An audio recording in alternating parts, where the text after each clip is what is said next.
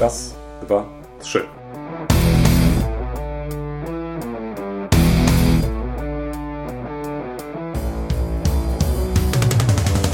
Dwóch historyków, jeden mikrofon.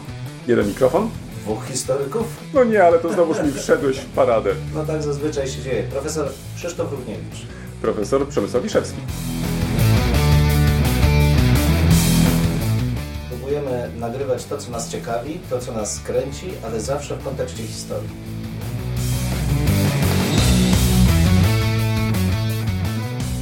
To kolejne nasze spotkanie o historii. Teraz może przewrotnie powiem tak. Dla mnie to jest fascynujące, że kolega Przemysław Wiszewski zmusił mnie do tego, że muszę się zajmować epokami, którymi zajmowałem się na studiach. Zauważyłem faktycznie, że zajmując się historią najnowszą, strasznie ograniczyłem się do może XX wieku. Być może mogę powiedzieć o sobie, że jestem specjalistą z tego zakresu. Natomiast w chwili, kiedy zacząłem, właśnie przygotowując się do tych podcastów, sięgać do wcześniejszych epok, okazywało się nagle, że jest tyle do odkrycia tyle do poznania. To jest krótki taki wstęp, ponieważ dzisiaj chcielibyśmy porozmawiać w ogóle o roli i znaczeniu informacji jako takiej. Ja widzę u siebie ogromny deficyt tych informacji i zastanawiam się, co zrobić, żeby ten deficyt właściwie usunąć. No, z jednej strony bardzo mi schlebiasz, bo odniosłem sukces dydaktyczny. To mi się często nie zdarza, więc dziękuję Ci bardzo.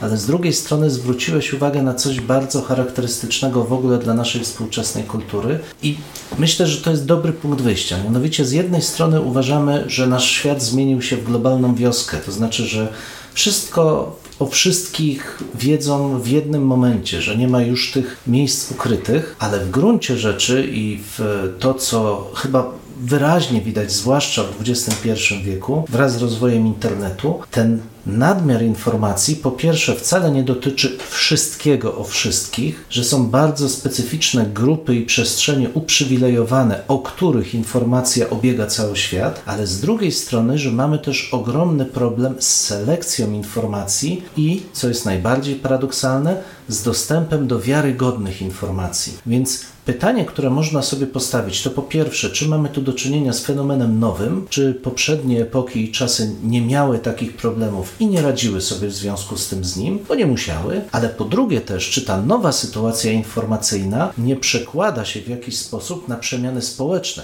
albo może wręcz wyrasta z tych przemian społecznych. Może warto nawiązać do tej właśnie ostatniej e, myśli, e, kiedy wspomniałeś o tym, jakie to ma znaczenie dla naszego dzisiejszego spostrzegania roli i znaczenia informacji. Jak to było we wcześniejszych epokach? Ponieważ jeżeli nawet sięgniemy do historii informacji, rozprzestrzeniania się informacji jako takiej, to chyba od samego początku warto zwrócić na dwa takie sposoby postrzegania. Z jednej strony mamy czas, a z drugiej strony mamy też i przestrzeń. To znaczy można chyba, i tu jesteśmy zgodni, powiedzieć, że dzisiaj właściwie przestrzeń nie odgrywa żadnej roli. Tutaj przed chwilą padło to określenie globalna wioska.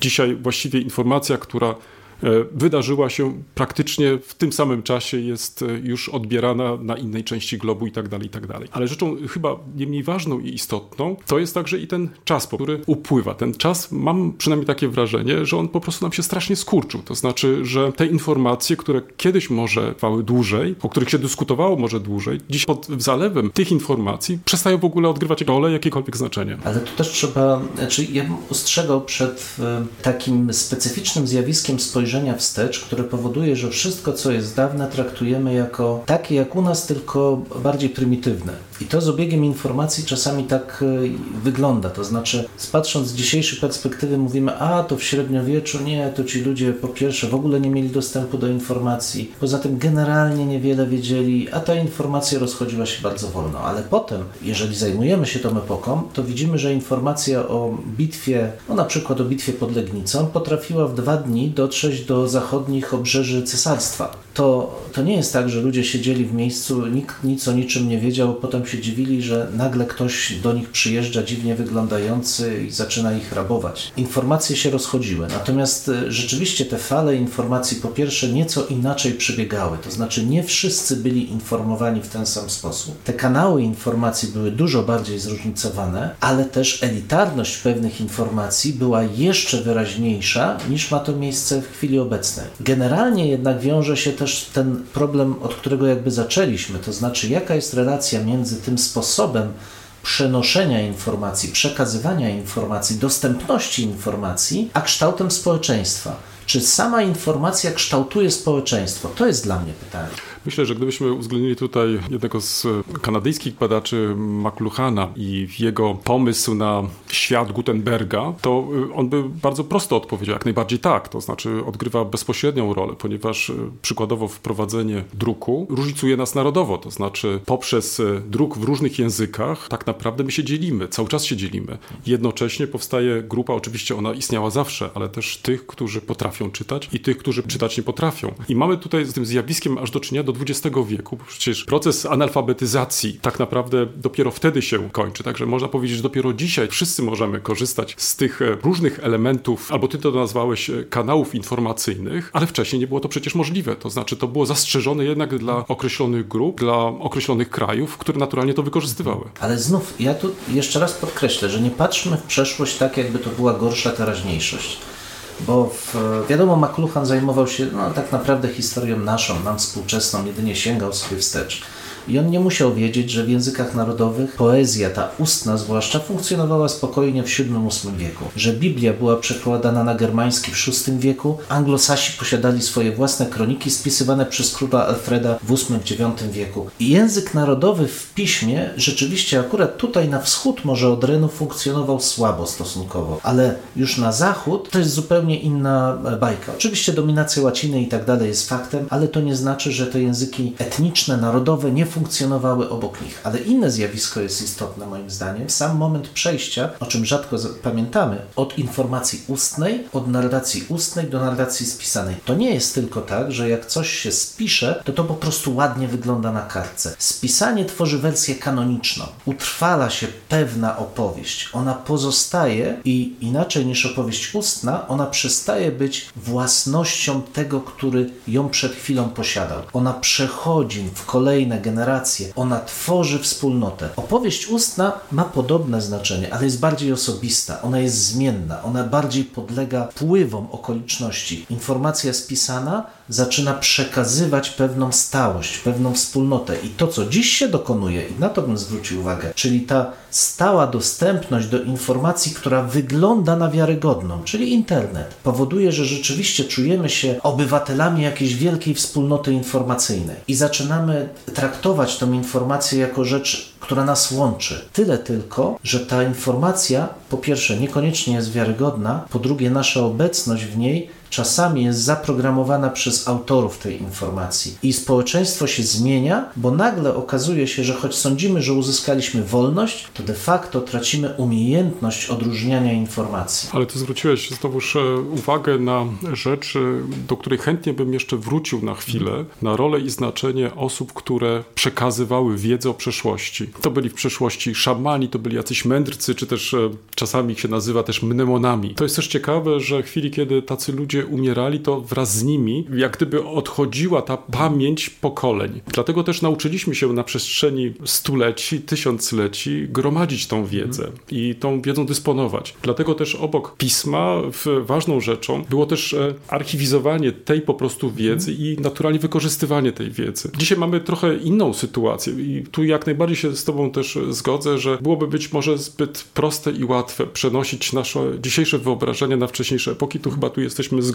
Raczej powinniśmy podkreślać specyfikę danego czasu, danej epoki i w, bardziej ją opisywać niż przenosić swoje własne wyobrażenia. Ale z drugiej strony staramy się w jakiś sposób też zrozumieć to nasze tu i teraz, bo jeżeli będziemy traktowali historię jako pewien proces, jako hmm. pewien ciąg zdarzeń, no to jedno wypływa chyba z drugiego tak. i jest jakąś tam interakcją i z biegiem czasu, można powiedzieć od wynalezienia druku, zaczęto tworzyć nowe kanały informacji, zaczęto nowe sieci tworzyć informacji, które pozwalały mieć wrażenie, że jesteśmy blisko tej informacji, bo przecież przykładowo w XIX wieku wraz z upowszechnieniem informacji, tutaj myślę na przykład o alfabecie Morsa, o telegrafie i tak dalej, i tak dalej, na przykład upowszechniły się też gazety, to znaczy, gdzie właściwie można było donosić już codziennie, nie co kilka dni z opóźnieniem, tylko praktycznie na następny dzień o wydarzeniach, które się po prostu wcześniej działy. I mi się wydaje, że tutaj ta informacja zaczęła nam się coraz bardziej jakoś zacieśniać, pojawiało się coraz więcej tych informacji. Tutaj znów pojawia się problem, jak e, oddzielić te ważniejsze informacje od mniej ważnych z jednej strony, a z drugiej strony pojawiła się też ta pokusa manipulacji tymi informacjami, bo kto miał dostęp do informacji, to on mógł naturalnie w, w jakiś sposób też tymi informacjami manipulować. No właśnie, i tutaj dotykamy jakby dwóch problemów dla mnie. To znaczy, pierwsze zjawisko to jest ta demokratyzacja informacji, bo jeśli spojrzymy na te epoki dawne, to masz w pełni rację. Są osoby, potem są środowiska, duchowni, mnisi, są instytucje, mamy takie zjawisko w średniowieczu loca credibilia się nazywa, to znaczy instytucja, która jest upoważniona do tego, żeby potwierdzać, że coś się faktycznie zdarzyło, czyli przygotować dokument, że ktoś sprzedał kawałek ziemi i ten dokument daje, ale jednocześnie zapisuje to sobie w księdze. Wszyscy wiedzą, że jak chcą się prawdy dowiedzieć o tym, jak wygląda stan własnościowy tej działki, to idą i tam się dowiadują. Więc mamy wyspecjalizowanych ludzi od wiarygodności informacji. Oni są darzeni pewnym szacunkiem, ale też mają ten autorytet, że oni rzeczywiście mówią prawdę. Stąd zresztą tak ciężkie kary za fałszerstwa. To nie dlatego, że o, ktoś dopuścił się fałszerstwa, to jest B i dlatego go tam zabijamy, ćwiartujemy czy skazujemy na więzienie, ale on podrywa autorytet. On sprawia, że ludzie przestają ufać. A pamiętajmy, że jesteśmy w świecie, gdzie informacja jest bardzo cenna, informacja jest elitarna. Jeśli przestaniemy ufać tym, którzy nam mówią, jak wygląda życie wieczne, do czego mamy dążyć, jak wygląda świat, który nas otacza, a niewiele stosunkowo sami z siebie jesteśmy o tym w stanie powiedzieć, to mamy chaos. Te punkty takie informacji elitarnej rzeczywiście stabilizowały społeczeństwo. Informacja pisana miała to znaczenie kluczowe.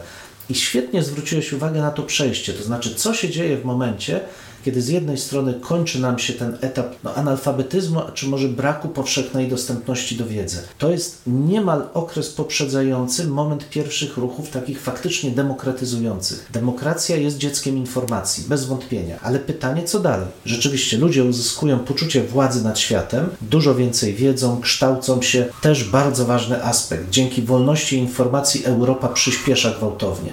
To jest też to, o czym rozmawialiśmy ostatnio, kwestia szkolnictwa, uniwersytetów, to jest wolność informacji. Ale druga rzecz, co się dzieje dalej? Co, co się dzieje w świecie obecnym? Kiedy przeszliśmy do momentu, kiedy niemal każdy o wszystkim jest w stanie powiedzieć z pełną pewnością, że ma rację. Autorytet informacji za człowieka, który cokolwiek mówi, uległ zupełnemu rozbiciu. Tu można nawet pójść krok dalej i przytoczyć, że jeszcze do niedawna mogliśmy sięgać do wielotomowych encyklopedii, żeby znajdować potwierdzenie dla informacji, które posiadaliśmy, lub też szukać tych informacji. Dzisiaj praktycznie nie posiadamy już wielu encyklopedii. Przykładowo Brockhaus przestał się już ukazywać w tej wersji papierowej, ale równocześnie mamy zjawisko, gdzie mamy już tylko encyklopedie dostępne w internecie, jak mhm. na przykład Wikipedia. Tak, ale problem jest szerszy. Ja zauważyłem ostatnio, w, uderzyło mnie to w trakcie jednej z podróży, kiedy gdzieś znajdowałem się w środku pola na pograniczu Wielkopolski i Dolnego Śląska. Stała duża ciężarówka i obok niej kierowca zafrasowany patrzył na telefon. Zatrzymał nas samochód i pyta się o jakąś miejscowość, gdzie ona się znajduje. No my odpowiadamy, że w zasadzie nie wiemy, bo jedziemy, nie jesteśmy stąd. I on mówi, no właśnie, bo ja tam mam dojechać, mam pilny ładunek, ferma drobiu, a ja nie wiem, gdzie jest ta wieś. Ja mówię, no ale nie ma pan mapy? No nie, bo miałem tylko GPS-a, a GPS stracił sygnał. Uzależniliśmy się od specyficznej formy informacji, to znaczy jesteśmy nią tak otoczeni, że uważamy, że ta informacja jest częścią nas, że my panujemy nad tą informacją i nie zdajemy sobie sprawy, jak bardzo staliśmy się niewolnikami tych form, tych kanałów przekazu informacji, które właśnie od nas nie zależą. Książka jest stabilna, druk jest stabilny. Może się spalić, ale zawsze możemy wziąć drugi egzemplarz. Ale w przypadku informacji elektronicznej jest zmienna i niestety bardzo zależna od tych przedmiotów, na których my kompletnie nie mamy wpływu. Ale Jak czy... to zmienia nasze społeczeństwo? Jeszcze raz bym do tego nawiązał.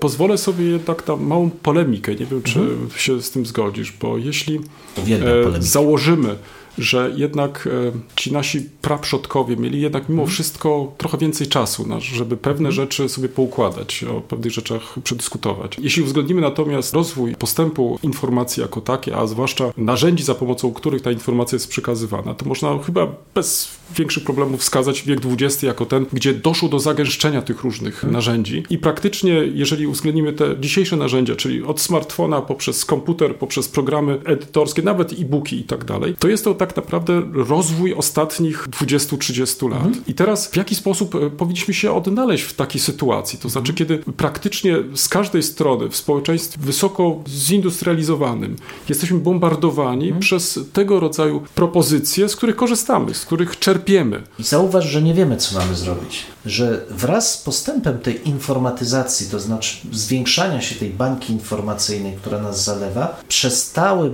mieć wartość jakąkolwiek, sta- jakiekolwiek stabilne autorytety w zakresie tych najistotniejszych kwestii. I życie polityczne jest tu świetnym przykładem. Kiedyś, żeby rzeczywiście zrobić dobrą kampanię, należało przedstawić spójny program, należało zaangażować ekspertów, przedyskutować. Od lat 60., kiedy pojawia się na skalę masową telewizja, zaczyna się proces Emocjonalizacji popularyzacji. i Tak, tak, dokładnie tak. Odwołujemy się do emocji. W zasadzie to, czy to jest prawda, czy fałsz, przestaje mieć takie znaczenie. Tak naprawdę informacja, która nas zalewa, sprawia, że nasi koledzy, koleżanki czują się, że mają władzę nad światem, nad tym światem informacji, ale de facto ich decyzje stają się coraz bardziej emocjonalne. I kryzys demokracji, tej demokracji liberalnej, którą obserwujemy tutaj w chwili obecnej, mam wrażenie, że jego elementem jest paradoksalnie brak wykształcenia. Brak poczucia, że trzeba szukać informacji pewnej, wiarygodnej i że trzeba zrobić wysiłek, żeby pozyskać informację. Ale tu wracamy z kolei do też e, ważnego momentu, jakim jest szkoła i kształcenie szkolne, bo być może nawet z tym takim przyspieszeniem ilości narzędzi, za pomocą których pozyskujemy informacje, szkoła tak naprawdę jako jednak konserwatywna instytucja chyba nie nadąża, to znaczy nie jest jakąś tam odpowiedzią. To wystarczy przecież zwrócić uwagę na cykl wydawniczy podręczników. Podręczniki nie ukazują się z roku na rok, nie są odpowiedzią na współczesne wyzwania, tylko jednak e, musi minąć jakiś cykl wydawniczy pięciu, nawet i więcej lat, żeby kolejny materiał ukazał się drukiem. Czy w takim razie już dzisiaj, mając to na uwadze, przecież jesteśmy tak naprawdę świadomi problemów, z którymi jesteśmy konfrontowani, czy nie powinniśmy z większą uwagą zwracać uwagę na i wskazywać te właśnie problemy, to znaczy y, pytając też, co to będzie oznaczać dla nas, jeśli chodzi o przyszłość, to znaczy jak będziemy się w przyszłości także odnajdywać w tej nowej sytuacji, bo pewne formy hybrydowe, przynajmniej z mojego punktu widzenia, byłyby najlepszym rozwiązaniem, bo nie możemy zrobić też tak, że wszystkich wyślemy do biblioteki, tej tradycyjnej biblioteki i tak jak to było jeszcze w latach 80., przynajmniej w Polsce, że w tym głównym jak gdyby źródłem naszej wiedzy były te materiały zgromadzone właśnie, czy w bibliotece, czy w, w archiwum. Myślę, że te czasy już dawno nam minęły i teraz musimy się chyba nauczyć e, łączyć jedne i drugie. Ale musimy się też nauczyć e, krytycznie spoglądać właśnie na te drugie, po to, żeby móc w jakiś sposób oba te podejścia traktować nie tylko poważnie, ale też odpowiednio do, do ich roli i znaczenia, jakie pełnią dzisiaj w społeczeństwie. Wiesz, ja bym powiedział, że to, co przed nami stoi, co będzie ogromnym wyzwaniem, to uświadomić sobie, że nie wystarczy się dowiadywać. Bo ja mam wrażenie, że w tej chwili ten przepływ informacji jest jednostronny. Ludzie nastawiają się na to, że mają się dowiadywać. Są informowani, dowiadują się, ale to, co było w dawniejszych epokach, to przede wszystkim, że trzeba się dowiedzieć, że trzeba wiedzieć, zrozumieć, przemyśleć. Jest takie świetne łacińskie słowo, które miało oddawać czynność mnicha, który czytał książkę. On, on nie miał po prostu czytać. Używa się słowa ruminare, to znaczy dosłownie trawić. On miał trawić to, co czyta, to znaczy miał się nad tym zastanowić, kontemplować, rozumieć. Ja nie zachęcam, żebyśmy byli mnichami, ale zachęcam do tego, żeby potraktować informację jako to, czym ona jest i o czym filozofia mówi nam od dawna, że jest bardzo subiektywnym przekazem wycinka świata. Musimy sobie zdawać z tego sprawę i starać się znaleźć to, co jest to intersubiektywne. Wyjść, ale to intersubiektywne to znaczy rozmowa, to znaczy dialog, to znaczy dyskusja. To, co w średniowieczu opanowano do perfekcji. Metoda, która pozwalała zbudować na podstawie czasami szczątkowej wiedzy bardzo skomplikowane systemy, które były powszechnie akceptowane, bo stabilizowały świat, ale bo też pozwalały wejść w interakcję z największymi umysłami epoki, rozmawiać i dyskutować. Zaczęliśmy od tego, że jestem zafascynowany tymi powrotami do przeszłości, do tej takiej bardzo odległej przeszłości, ale też w takim długim trwaniu. I to jest piękny przykład, właśnie to nasze zakończenie, że trudno rozpatrywać e, współczesność, nie uwzględniając przeszłości, ale znowuż w jej specyfice, to znaczy nie przekładając e, nasze wyobrażenie o tej przeszłości do tej przeszłości, tylko szukając specyfiki w danym po prostu czasie. A ja dalej kocham wiek XIX jako mediewista. No, ja pozostanę przy 20, e, ale z tymi e, właściwie jakimiś takimi, jednak mimo wszystko fascynacjami powrotu do przeszłości, po to tylko, żeby lepiej zrozumieć także naszą dzisiejszą teraźniejszość. Do usłyszenia Państwu. Do usłyszenia. Miejscu stawiamy kropkę. Mamy nadzieję, że to nie jest koniec, że to jest początek Waszych dyskusji. Mam nadzieję, że Was zaciekawiliśmy. Prosimy o komentowanie naszych zmagań z historią. Poniżej zdjęcia jest wystarczająco dużo miejsca. Dwóch historyków, Jeden mikrofon, jeden mikrofon. dwóch historyków. Dziękujemy.